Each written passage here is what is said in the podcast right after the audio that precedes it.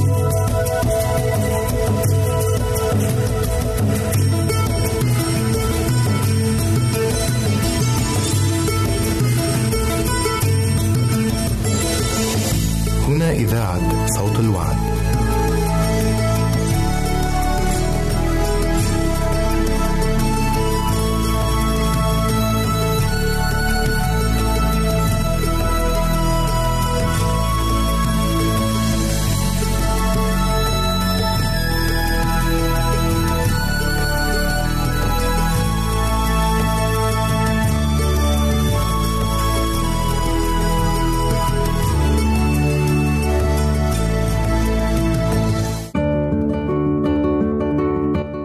أعزائي المستمعين والمستمعات راديو صوت الوعد يتشرف باستقبال رسائلكم ومكالمتكم على الرقم التالي 00 961 سبعة ستة ثمانية ثمانية ثمانية أربعة واحد تسعة. نشكركم ونتمنى التواصل معكم. والسلام علينا وعليكم.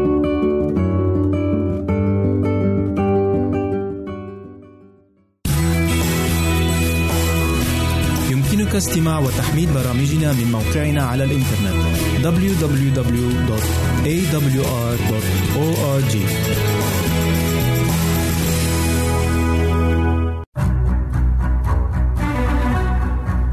أعزائي المستمعين والمستمعات تتشرف راديو صوت الوعد باستقبال أي مقترحات أو استفسارات عبر البريد الإلكتروني التالي.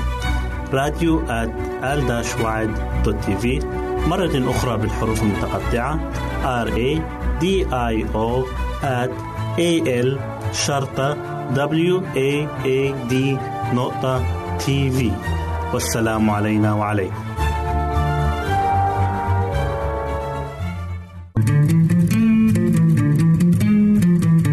أنتم تستمعون إلى إذاعة صوت الوعد.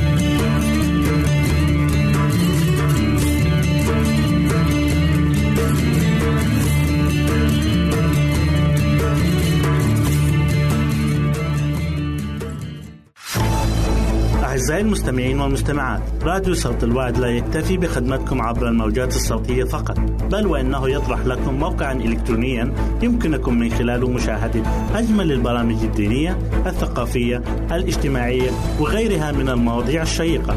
يمكنكم زيارة الموقع من خلال العنوان التالي www.al-waad.tv مرة أخرى بالحروف المتقطعة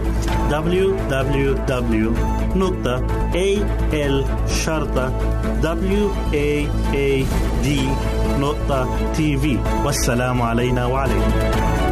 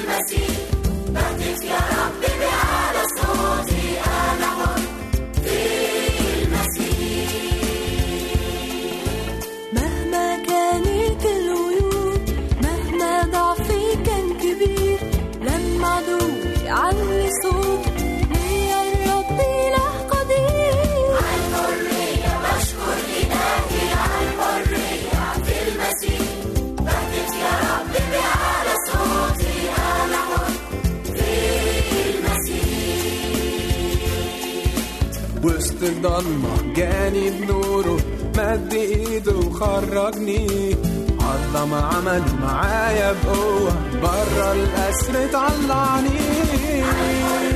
بشكر إلهي عالحرية في المسيح بهتف يا رب بأعلى صوتي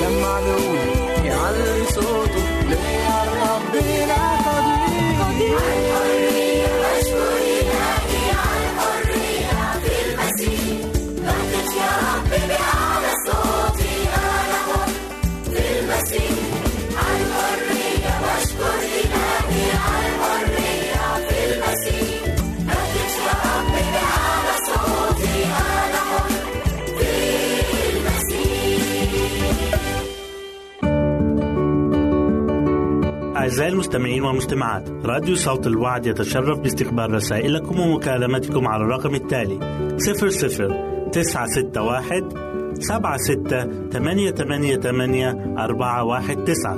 نشكركم ونتمنى التواصل معكم. والسلام علينا وعليكم.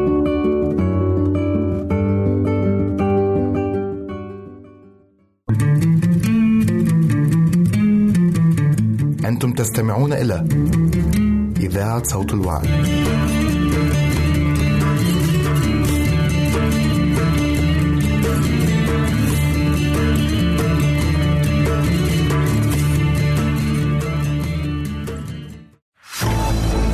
أعزائي المستمعين والمستمعات راديو صوت الوعد لا يكتفي بخدمتكم عبر الموجات الصوتية فقط بل وإنه يطرح لكم موقعا إلكترونيا يمكنكم من خلاله مشاهدة أجمل البرامج الدينية الثقافية الاجتماعية وغيرها من المواضيع الشيقة. يمكنكم زيارة الموقع من خلال العنوان التالي www.al waad.tv مرة أخرى بالحروف المتقطعة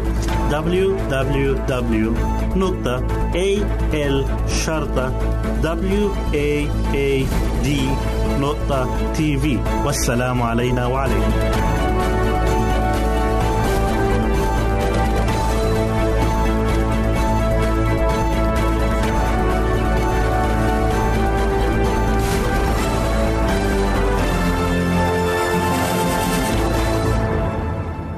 أهلا وسهلا بكم مستمعينا الكرام في كل مكان. يسعدني أن أقدم لكم برنامج أطفالنا زينة حياتنا. اتكلمنا في حلقات سابقة عن تهذيب الطفل عقليا وحلقة اليوم هنتكلم فيها عن تهذيب الطفل روحيا. التهذيب الروحي يعني معرفة الخير والشر أو التمييز بين الصالح والطالح والمقدرة على اختيار ما هو فاضل وحق. في حياة روحية لا يمكن تجاهلها. وفي حياة بيقابلها كل ما هو جسدي ومادي. الروح هي اللي بتغني الحياة أو تفقرها الروح هي العنصر في الفرد اللي بيتعلق بعاطفة الحب أو البغض الفرح أو الحزن السعادة أو التعاسة الرجاء أو الخوف الأمل أو الندامة. الروح العنصر اللي في الفرد اللي بيتعلق بمحبة النفس وإهمال الآخرين تماماً. أو نسيان النفس والاهتمام بحقوق الآخرين ومبادئهم السامية. الروح ذلك العنصر الذي يمتد ليبلغ كل ما هو فاضل وحق ويعمل الخير أو يفرح بما للنفس فقط وكل شهوة جسدية وكل باطل. الروح ذلك العنصر الذي يستجيب لدعوة كل ما هو جميل وشريف وسامن أو يصبو إلى الدنيء القبيح. الروح ذلك العنصر الذي يعتمد على قوة عليا وينظر إليها طالبا الإرشاد والمعونة. أو يعتمد على النفس فقط فلا يشعر بالخالق ولا بالمستلزمات الأدبية. من الساعة اللي بيتولد فيها الطفل بيبدأ يتلبس روح البيت اللي بيتربى فيه. يعني بيستجيب لكل المؤثرات اللي بيشعر بيها حواليه. كمان بيراقب كل حاجة بتحصل في حياته اليومية. وبيدرك إن بعض الأسباب بتؤدي إلى نتائج معينة. يعني مثلا لو حس بالجوع وبكي بيلاقي الأم شالته وبترضعه. كمان بيبدأ يشعر بالنفور والعداء تجاه أي شيء شاذ أو مشوش. وبيفرح ويرتاح لما يشوف أشياء معينة بيحبها. بيتأثر بالصوت البشري وبالإيد البشرية. وده بينشأ فيه تفاعل روحي بينه وبين الأم أو بينه وبين أي حد تاني. وعشان الطفل عنده مقدرة على التقليد إنه يقدر يقلد الناس المقربين ليه في ملامح وشهم ونبرة أصواتهم ويتعلم من تصرفاتهم في مواقف مختلفة. والنتيجة اللي الطفل بيسمعه وبيشوفه والنتيجة للجهود اللي هو بيبذلها في التقليد بتنبعث في داخله عواطف بيعبر عنها بطريقته الخاصة واللي أحيانا بيعبر عنها بالبكاء. وبتبقى الطريقة ديت طريقة البكاء لمدة قصيرة إلى أن يظهر فيه طرق تانية للبكاء يعني مثلا ما يبكيش وقت ما هو جعان بس لا يبكي لما يكون غضبان أو لما يشعر بالفشل أو لما يكون زعلان من حاجة. ودي طبعا حاجة ما بتخفاش على الأم لأنها بتقدر تميز أنواع البكا بتاع الطفل. بيتعلم إن هو يضحك ويكهكه أحيانا أو يبتسم وبيبدأ في وقت مبكر إنه يقلد نبرات صوت أمه لما تتكلم. وإذا ما قدرش يعمل كده بيعبر عنها بالمناغاة. حتى في الأسابيع الأولى من حياته. حاجة تانية نتكلم عنها تأثير التعبير أو الملامح. دي حقيقة نفسية سيكولوجية إن بعض العواطف ما بتصيرش هيئات أو ملامح معينة في الوجه والصوت. لكن الملامح والهيئات في الوش والصوت في اللي هم حوالينا وفينا بنوع خاص بتصير بعض العواطف. يعني مثلا مظاهر الشجاعة لما بتبان على الوش والملامح وعلى الطريقة اللي بنتكلم بيها. ولما بنكون متضايقين من حاجة برضه بيبان على وشنا. وإذا استسلم الفرد لدوافع إظهار الملامح بتاع التعاسة بتؤدي إلى زيادة التعاسة عنده أكتر. ودي نفس الطريقة بتحصل مع الطفل وبتأثر كتير على مزاجه وعلى طبعه بعد كده. وبيكون الطفل فيها عرضة للفوضى والتشويش. ومن أهم الأمور المتعلقة بتهذيب الطفل الروحي روح البيت. البيت اللي بينشأ فيه الطفل ويتربى. الروح اللي بتسود جو البيت روح الوالد والوالدة. لأنهم بالنسبة للطفل هم المصدر اللي بتصدر عنه كل الأمور المتعلقة بالعواطف. فإذا كانت على مستوى رفيع ده بيأمن للطفل تهذيب روحي صحيح وبتقل مشاكل التهذيب في البيت. أو على الأقل يحطوا قدام عينيهم الهدف ده إنهم يصلوا بابنهم أو طفلهم لمستوى رفيع جدا ويعملوا جاهدين إن هم يوفروا جو روحي مناسب في البيت. نيجي نتكلم على حاجة تانية وهي الشعور بالصواب والخطأ أو الصالح والطالح. بعد ما بنوصل بالطفل للمستوى الرفيع والجو الروحي في البيت اللي بينشأ فيه بتيجي أهمية إننا نعود الطفل على الخضوع لبرنامج البيت. يعني لازم ندرب الطفل إنه يسيطر على نفسه.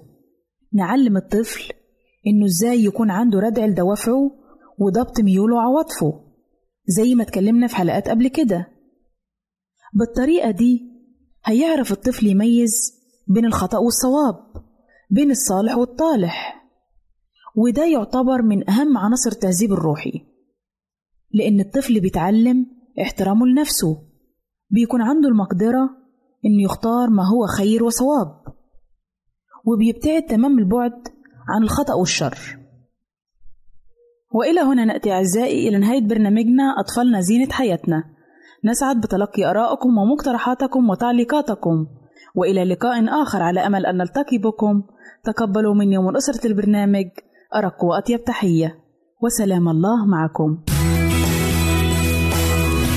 يمكنك استماع وتحميل برامجنا من موقعنا على الإنترنت.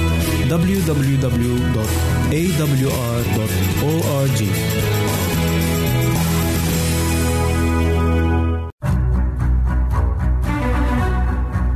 أعزائي المستمعين والمستمعات تتشرف راديو صوت الوعد باستقبال أي مقترحات أو استفسارات عبر البريد الإلكتروني التالي. راديو في مرة أخرى بالحروف المتقطعة. R A D I O A L شرطة W A A D نقطة تي في والسلام علينا وعليكم.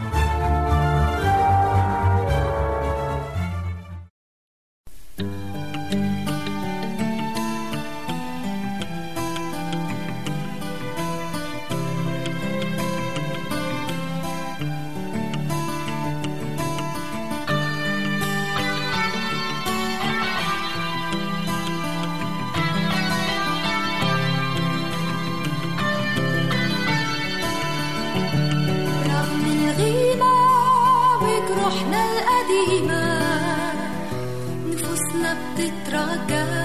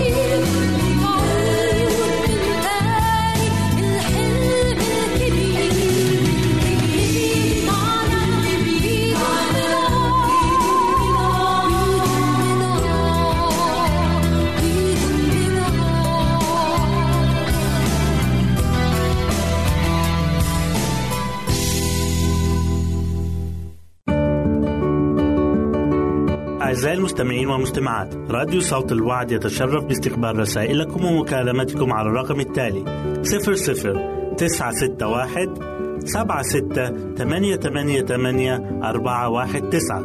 نشكركم ونتمنى التواصل معكم. والسلام علينا وعليكم.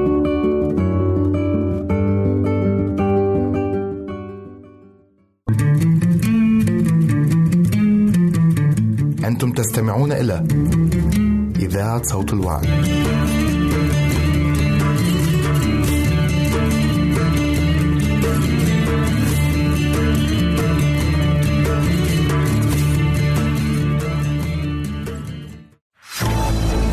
أعزائي المستمعين والمستمعات راديو صوت الوعد لا يكتفي بخدمتكم عبر الموجات الصوتية فقط بل وإنه يطرح لكم موقعا إلكترونيا يمكنكم من خلاله مشاهدة أجمل البرامج الدينية الثقافية الاجتماعية وغيرها من المواضيع الشيقة. يمكنكم زيارة الموقع من خلال العنوان التالي www.al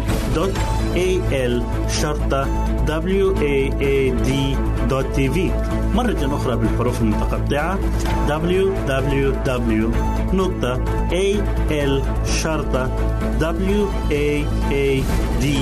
www.al-waad.tv والسلام علينا وعليكم.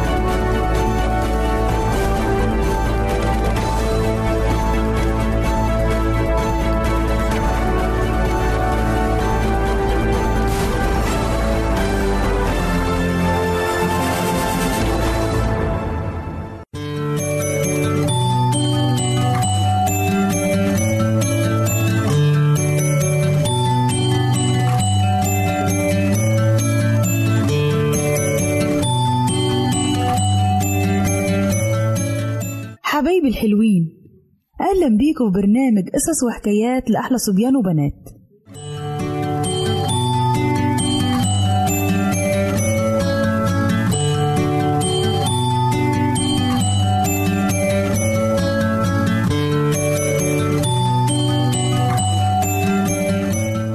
قصتنا النهاردة بعنوان سهيل السيء الحظ.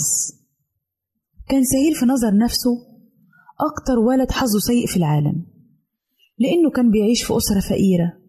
يعني لو نفسه في ألعاب ما يقدرش يجيبها حتى أكلهم وشربهم كان حاجة بسيطة جدا في البيت لأن كان الأب عاطل من غير عمل ومفيش أي دخل للأسرة.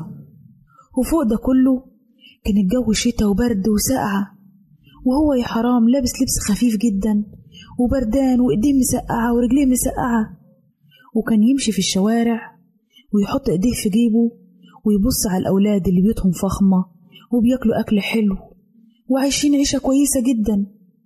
والمنطقة اللي كانوا عايشين فيها كان كل الناس اللي فيها فقيرة يعني مكان على قد حاله. وفي يوم من الأيام كان ماشي في الشارع وعدى على محل بيبيع لعب أطفال. والمحل ده عليه أنوار ومعروضة فيه الألعاب بطريقة جميلة. فوقف يبص على الألعاب وشاف الأولاد اللي خارجين منه وماسكين في إيديهم رزم لعب. راح حط إيده في جيبه كده عشان يشوف معاه فلوس ولا لأ. راح طلع من جيبه جنيه وهو ما كانش معاه غير الجنيه ده. كان فاكر إن هو يقدر يشتري أي لعبة لأخته عشان أخته مريضة ونايمة في البيت عشان يفرحها بأي حاجة. بعد ما طلع الجنيه وبص عليه كده قال ياه أنا أكتر ولد حظه سيء في العالم. وفي اليوم التاني كان ماشي في الشارع لكن الحمد لله يظهر إن حظه اليوم ده أحسن من امبارح. راحت وقفته في الشارع سيدة جميلة كده ولابسة ملابس غالية وقالت له أنت سهيل الشامي؟ قال لها آه في حاجة؟ قالت له لا لا يا حبيبي مفيش حاجة. أنت بس اسمك مكتوب في القايمة عندنا وبندعيك عشان تحضر حفلة مخصوص لعيد الميلاد. وده الكارت اللي تقدر تدخل بيه. فقال لها سهيل يا أنا مبسوط قوي وبعدين رفع راسه كده وقال لها طب ممكن أختي تيجي معايا؟ أختي مريضة وتعبانة ولو جت حضرت الحفلة هتبقى مبسوطة جدا. راحت الست كلمته بلطف كده وقالت له للأسف ما ينفعش تيجي ما ينفعش نقبل إلا شخص واحد بس من كل عيلة. بس أوعدك المرة اللي جاية هنخليك تجيبها معاك. والست سابته ومشيت وراح سهيل قال لنفسه إيه ياه ده أنا حظي نحس. أنا كنت عايز أختي تتبسط معايا وتيجي معايا الحفلة. لكن خطر في باله فكرة فرحته. قال أنا ممكن أقعد أنا وأخلي سهيلة هي اللي تروح مكاني. لكن لما بص كده في البطاقة اللي الست مديها له لقي مكتوب عليها يسمح لحامله سهيل الشامي فقط بالدخول. ففهم سهيل إنه ما ينفعش ياخد أخته. المهم إن جه يوم الحفلة ونسي سهيل كل اللي كان بيفكر فيه وراح الحفلة مبسوط وفرحان جدا. وقدموا لهم في الاحتفال أكل كل ما لذ وطاب. وبعد ما أكل من الأكل الحلو ده جه ميعاد تسليم الألعاب. وكان فيه هدايا كتيرة جدا متعلقة على شجرة عيد الميلاد. والأولاد كلهم كانوا مبسوطين جدا في الاحتفال وفرحانين قوي. لكن سهيل كان منتظر إمتى يجي دوره عشان يختار اللعبة اللي نفسه فيها. وهو قاعد في مكانه وقعت عينه على قطر معلق وشكله جميل جدا. وكان متمني قوي إن مفيش حد ياخده لغاية ما يجي دوره عشان هو اللي ياخده. وعلى ما جه الدور ونده اسم سهيل الشامي راح اندفع بسرعة زي السهم وعينيه كانت مركزة جدا على الآلة الحمراء الجميلة اللي بيحبها. ولما تقدم لقدام وسألته الست قالت له ها يا سهيل إيه رأيك؟ كل الألعاب قدامك اهي. إيه اللي نفسك فيه تاخده.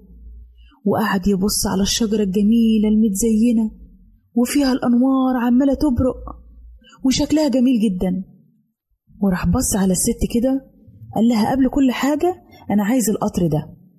لكن ممكن تسمحي لي إن أنا أخد الدمية دي لأختي؟ وعينيه اتملت بالدموع لأن هو كان عارف إن هو لازما يختار لعبة واحدة بس ما ينفعش ياخد اتنين. وراحت ميلت عليه في ودنه كده وقالت له ربنا يباركك يا سهيل أنت ولد رائع. وكأنها فهمت ليه سهيل فضل إن هو ياخد الدمية وما ياخدش القطر اللي نفسه فيه. لكن الأولاد التانيين قعدوا يضحكوا عليه ويهزروا إيه ده؟ ولد وياخد دمية يلعب بيها؟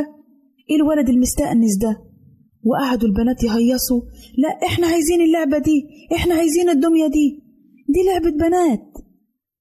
لكن سهيل في الوقت ده ما قدرش يمسك نفسه من الخجل والكسوف قدام الولاد كلهم لأنهم مش فاهمين هو ليه اختار اللعبة ديت اختارها عشان أخته. وخد اللعبة وطلع يجري بره القاعة كلها. وهو ماشي في الطريق قعد يفكر كده مع نفسه ويقول ياه ده أنا فعلا ولد سيء الحظ جدا. كل الأولاد كانوا عاملين يضحكوا عليا النهاردة. لكن هو ماشي قعد يبص على العروسة ديت وفرح بيها قوي إن هو هياخدها معاه عشان يفرح أخته المريضة في البيت. وفي دقايق قليلة كان وصل البيت. وعلى ما دخل الأوضة الصغيرة اللي أخته المريضة نايمة فيها راحت أخته قالت له على ما حست بيه ياه أنت جيت يا سهيل؟ ده أنا متوحشاك قوي. هي اللي معاك دي ليه يا سهيل؟ أنا بحبك قوي عشان أنت أخويا اللي دايما بتفكر فيا. ونسي سهيل كل حاجة لما ليه أخته انبسطت وفرحت جدا بالدمية اللي هو جابها لها. وهما لسه بيتكلموا مع بعض وبيحكي لأخته عن الحفلة سمع حد بيخبط على الباب. وعلى ما فتح لقي الست اللي كانت في الحفلة. فاندهش كده وقال إيه في حاجة ولا إيه؟ قالت له لا مفيش حاجة. ده أنا جيت عشان أتأسف لك على كل التصرفات اللي عملوها الولاد النهاردة. وهم ندموا جدا على الطريقة اللي هم عملوك بيها. وألحوا عليا إن أنا أجيب لك اللعبة دي توديها لك. يلا أقول لك bye bye وتصبح على خير عشان أنا اتأخرت. وأخد سهيل منها الرزمة وفتحها لقي فيها إيه؟ لقي فيها القطر الأحمر اللي كان نفسه فيه. وقعد يرقص ويتنطط وبقي مبسوط جدا. أنا أكتر واحد محظوظ النهاردة. أشكرك يا رب أشكرك يا رب. وقضى هو وأخته وقت جميل وممتع جدا مع بعض. وبكده حبايبي نكون وصلنا لنهاية قصتنا. واستنونا في قصة جديدة من برنامج قصص وحكايات لأحلى صبيان وبنات. ربنا معاكم.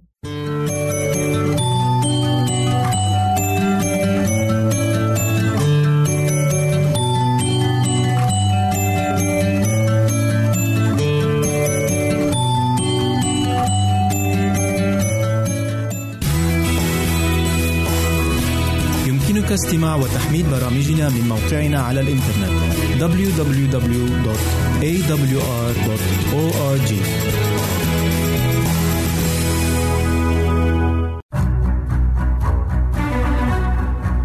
أعزائي المستمعين والمستمعات تتشرف راديو صوت الوعد باستقبال أي مقترحات أو استفسارات عبر البريد الإلكتروني التالي.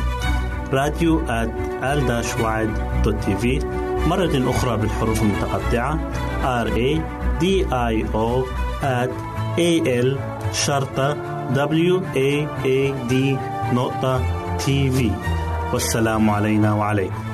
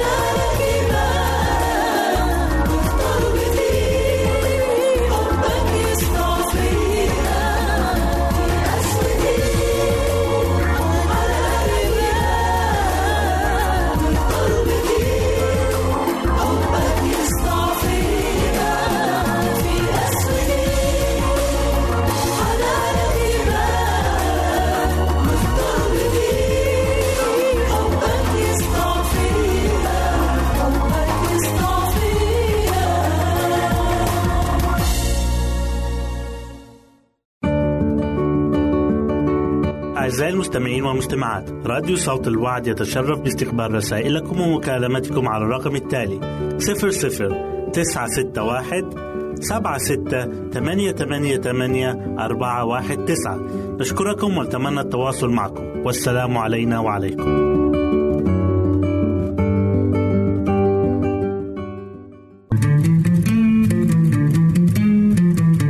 أنتم تستمعون إلى إذاعة صوت الوعد.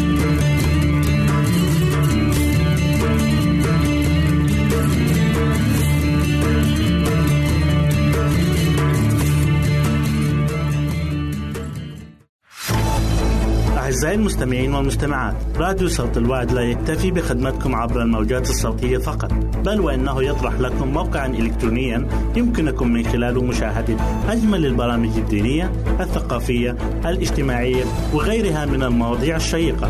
يمكنكم زيارة الموقع من خلال العنوان التالي www.al-waad.tv مرة أخرى بالحروف المتقطعة www.al-waad.tv والسلام علينا وعليكم.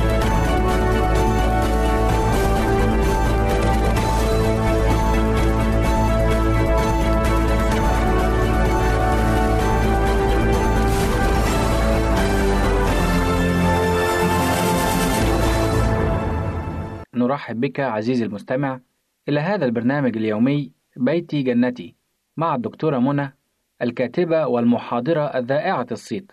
وحلقة اليوم بعنوان الصلاة المستجابة. لا شيء يؤثر في الملحد ويحوله إلى مؤمن أكثر من اختبار ينم عن استجابة الصلاة. وقد تتساءل ما علاقة استجابة الصلاة بالشؤون العائلية التي يدور حولها هذا البرنامج. حسنا. فالأطفال يتعلمون عن الله من والديهم وعندما يرون المعجزات تحدث في حياتهم يتقوى إيمانهم ويتشدد. وتخبرنا الدكتورة منى الآن عن كيفية حدوث ذلك من خلال قصة واقعية.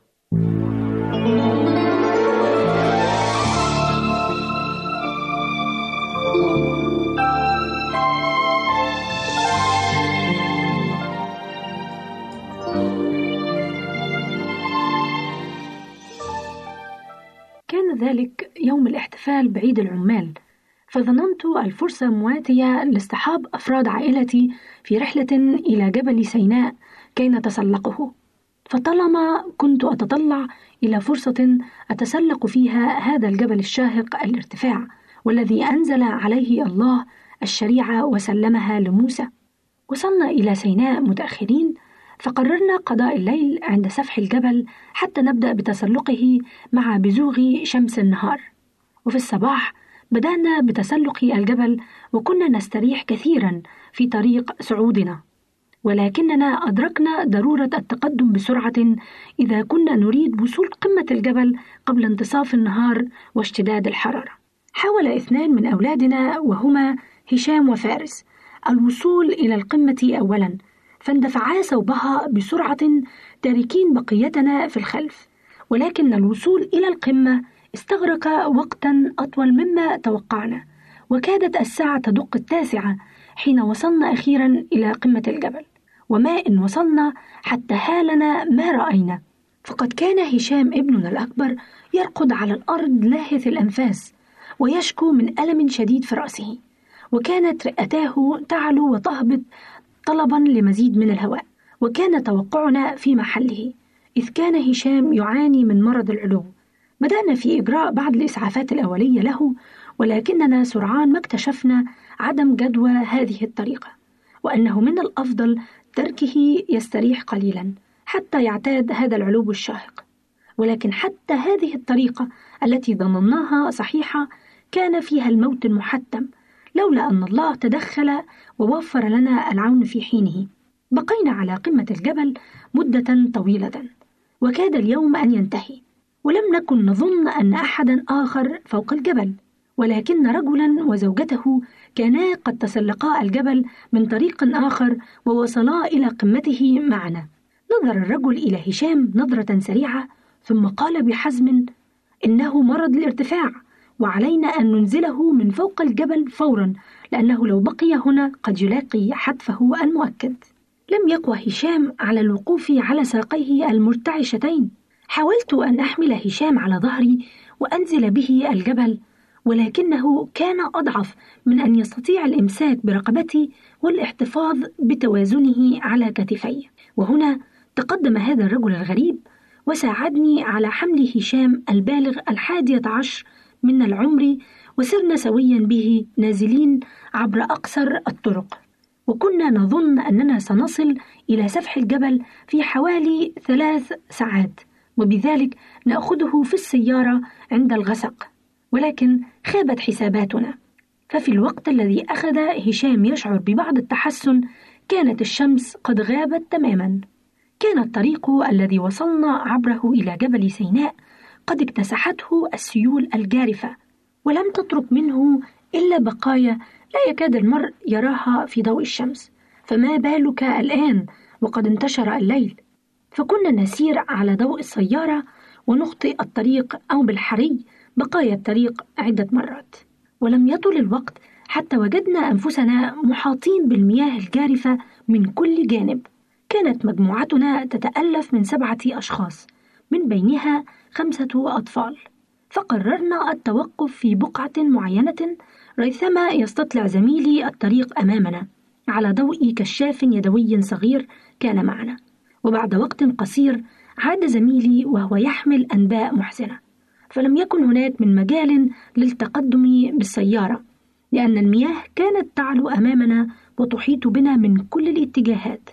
وإذ شعرنا بعجزنا التام رفعنا صلاة إلى الله طلبا لإنقاذنا. وبعد ذلك سرنا بالسيارة متبعين زميلي الذي أمسك بالكشاف في يده. ولكننا كلما تقدمنا كلما تعمقنا أكثر في المياه وفجأة ظهر ضوء خافت أمامنا وكان الضوء ينبعث من خيمة إعرابي نصبها على الجانب المرتفع من الطريق.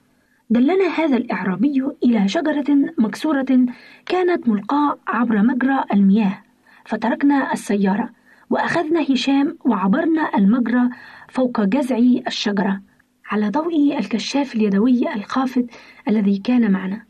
وصليت إلى الله حتى لا تتأذى أقدام أي منا.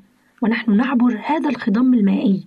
كانت الساعة التاسعة مساء عندما تجمعنا سالمين في موقف للسيارات كنا قد تركناه منذ اثنتي عشر ساعة مضت. وهناك وجدنا العون الذي نحتاجه لهشام. منذ ذلك الحين أصبح للمزمور 121 معنى جديد لي ولكل من كانوا معي. أرفع عيني إلى الجبال. من أين يأتي عوني؟ من عند الرب. وكلما كنت أقرأ أو أفكر في جبل سيناء بعد ذلك كنت أتذكر الحالة الميؤوس منها التي كنا فيها. والملاكين اللذين أرسلهما الله لنجدتنا. الأول من شخص السائح الغريب فوق جبل سيناء والذي من خلال معرفته وتحركه السريع أنقذ هشام من الموت. والثاني في شخص الإعرابي الذي دلنا على شجرة عبرنا فوقها مجرى الماء فلم نقضي الليل كله وسط برد قارس ومحاطين بمياه هادرة.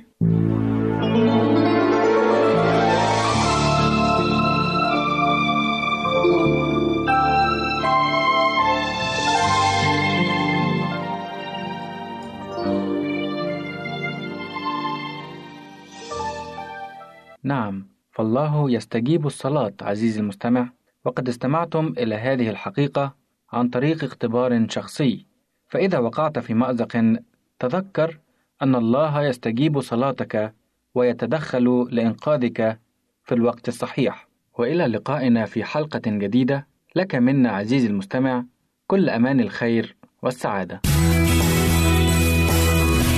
يمكنك استماع وتحميل برامجنا من موقعنا على الإنترنت. www.awr.org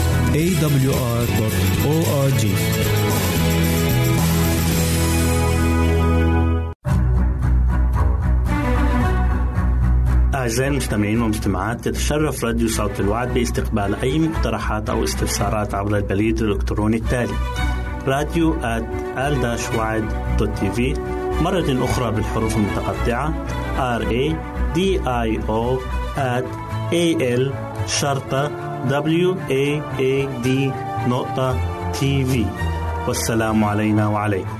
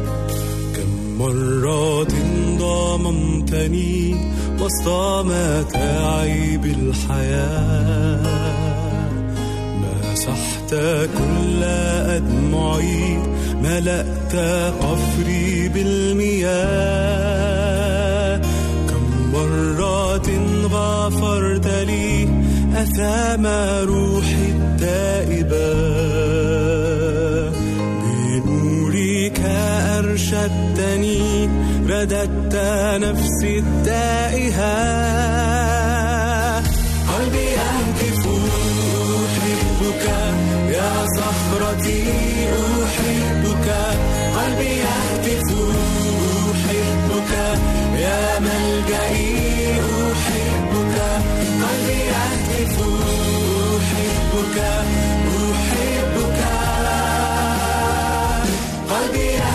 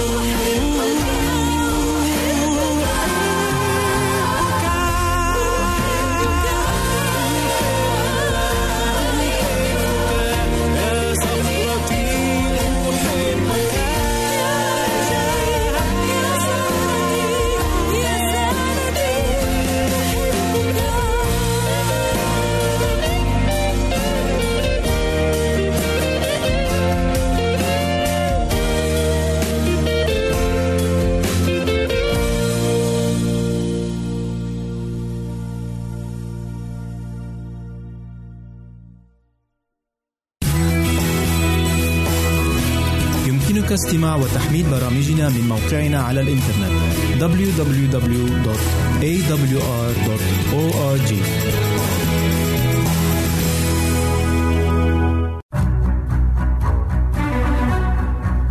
أعزائي المستمعين والمستمعات تتشرف راديو صوت الوعد باستقبال أي مقترحات أو استفسارات عبر البريد الإلكتروني التالي راديو ال مرة أخرى بالحروف المتقطعة R A D I O at A L شرطة W A A D نقطة تي في والسلام علينا وعليكم.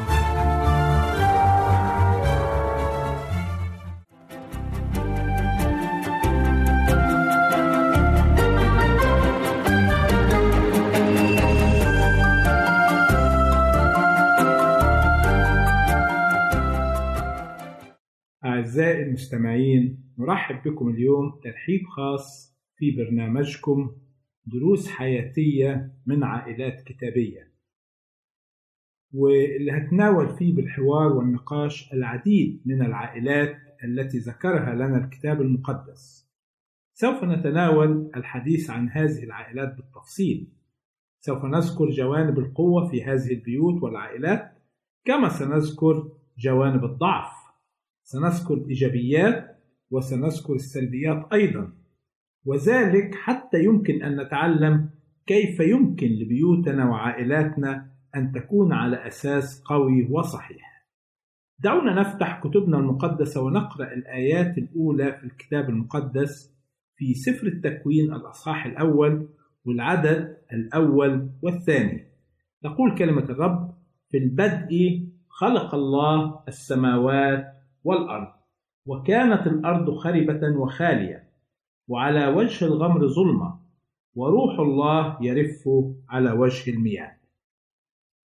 هذه هي الكلمات أو الآيات التي يبدأ بها الكتاب المقدس. وهي تصف حالة الأرض قبل أن يمد الله الخالق لمساته عليها وينظمها ويجعلها كاملة وجميلة ويجعل الحياة تملأها برا وبحرا وجوا. وكما نعلم أن الله خلق الحياة على الأرض ونظم ورتب كل ما عليها في ستة أيام.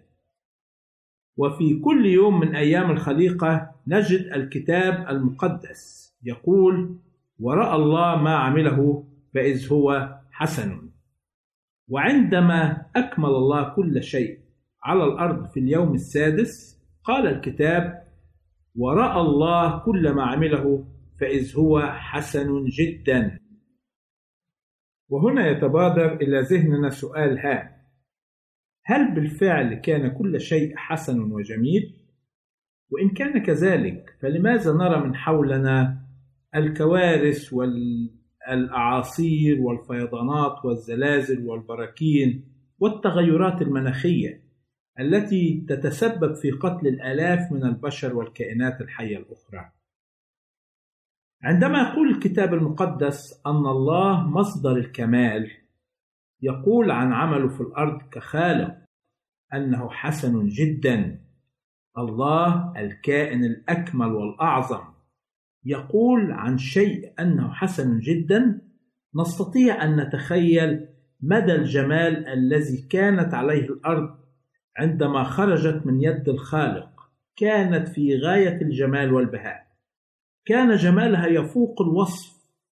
لم يكن هناك أعاصير أو فيضانات أو زلازل أو براكين لأن كل هذه الأشياء جاءت على العالم بعد دخول الخطية. والكتاب المقدس يؤكد على هذه الحقيقة. فبعد أن أخطأ آدم قال له الله ملعونة الأرض بسببه. جاءت اللعنة بسبب الخطية وتسببت الخطية في تشويه كل خليقة الله الجميلة. وكنتيجة الخطية بدأ الموت يسري ويدب في كل خليقة الله على الأرض الإنسان والحيوان والنبات. بدأت تظهر الأمراض والأوبئة بدأت تحدث الكوارث الطبيعية. كل هذا سببته الخطية ولكن قبل الخطية نقرأ أن كل شيء كان كاملا وحسن جدا. أيضا نستطيع أن نقول أن الكتاب المقدس يذكر أنه قبل الخطية كان هناك شيء لم يكن جيدا. نقرأ في تكوين 2 أصحاح 2 وعدد 18 يقول الكتاب وقال الرب الإله ليس جيدا أن يكون آدم وحده فأصنع له معينا نظيره. إن كان الله يعلم أن هذا ليس جيدا فلماذا لم يخلق لآدم المرأة منذ البداية؟ بالفعل هذا هو الشيء الوحيد الذي قال عنه الله قبل دخول الخطية أنه ليس جيدا. ليس جيدا أن يكون آدم وحده. من المؤكد أن الله كان يعلم منذ البداية أن آدم يحتاج إلى امرأة أو معين نظيره. لكنه لم يخلقها مباشرة عندما خلق آدم. لأن الله أراد أن يعلم آدم ويعلمنا نحن بعض الدروس. وهذه الدروس هي دروس هامة. أول درس أراد الله أن يدرك آدم مدى احتياجه إلى المرأة وبالتالي يدرك قيمة العطية أو الهبة التي يقدمها له الله. عندما يخلق له الله المرأة وهذا واضح من آيات الكتاب المقدس. فعندما أراد الله أن يخلق لآدم امرأة يقول الكتاب جبل الرب الإله كل حيوانات البرية وطيور السماء إلى آدم حتى يدعوها بأسمائها وهنا لاحظ آدم أن كل كائن حي عبارة عن زوج ذكر وأنثى. ولذا يقول الكتاب عن آدم وأما لنفسه فلم يجد له معينا نظيره وهنا بدأ آدم يشعر بأهمية وقيمة وجود شريك مثيله ونظيره كجنسه. نقطة أخرى نجدها في كلمات الرب ليس جيدا أن يكون آدم وحده. نقدر أن نفهم من هذا الكلام وكأن الله يقول ليس جيدا أن تكون الأرض بدون عائلة بشرية فآدم وحده لا يشكل عائلة بشرية. فالعائلة هي رجل وامرأة يرتبطان معا برباط الزواج. ونجد أن العائلة هي أول مؤسسة أوجدها الله على الأرض بل هي أقوى مؤسسة أوجدها الخالق عندما خلق على الأرض. أعزائي المستمعين نرجو أن تكونوا قد استمتعتم بهذه الحلقة. حتى نلقاكم في حلقة أخرى. نرجو أن تكون بركات السماء تصحبكم وتكون معكم. نرجو التواصل معنا عبر هذه العناوين. للتشات www.al-waad.tv وللرسائل radio at al-waad.tv والاتصال عبر الواتساب nine six one seven six eight eight eight four one nine. nine six one seven six eight eight eight four one nine.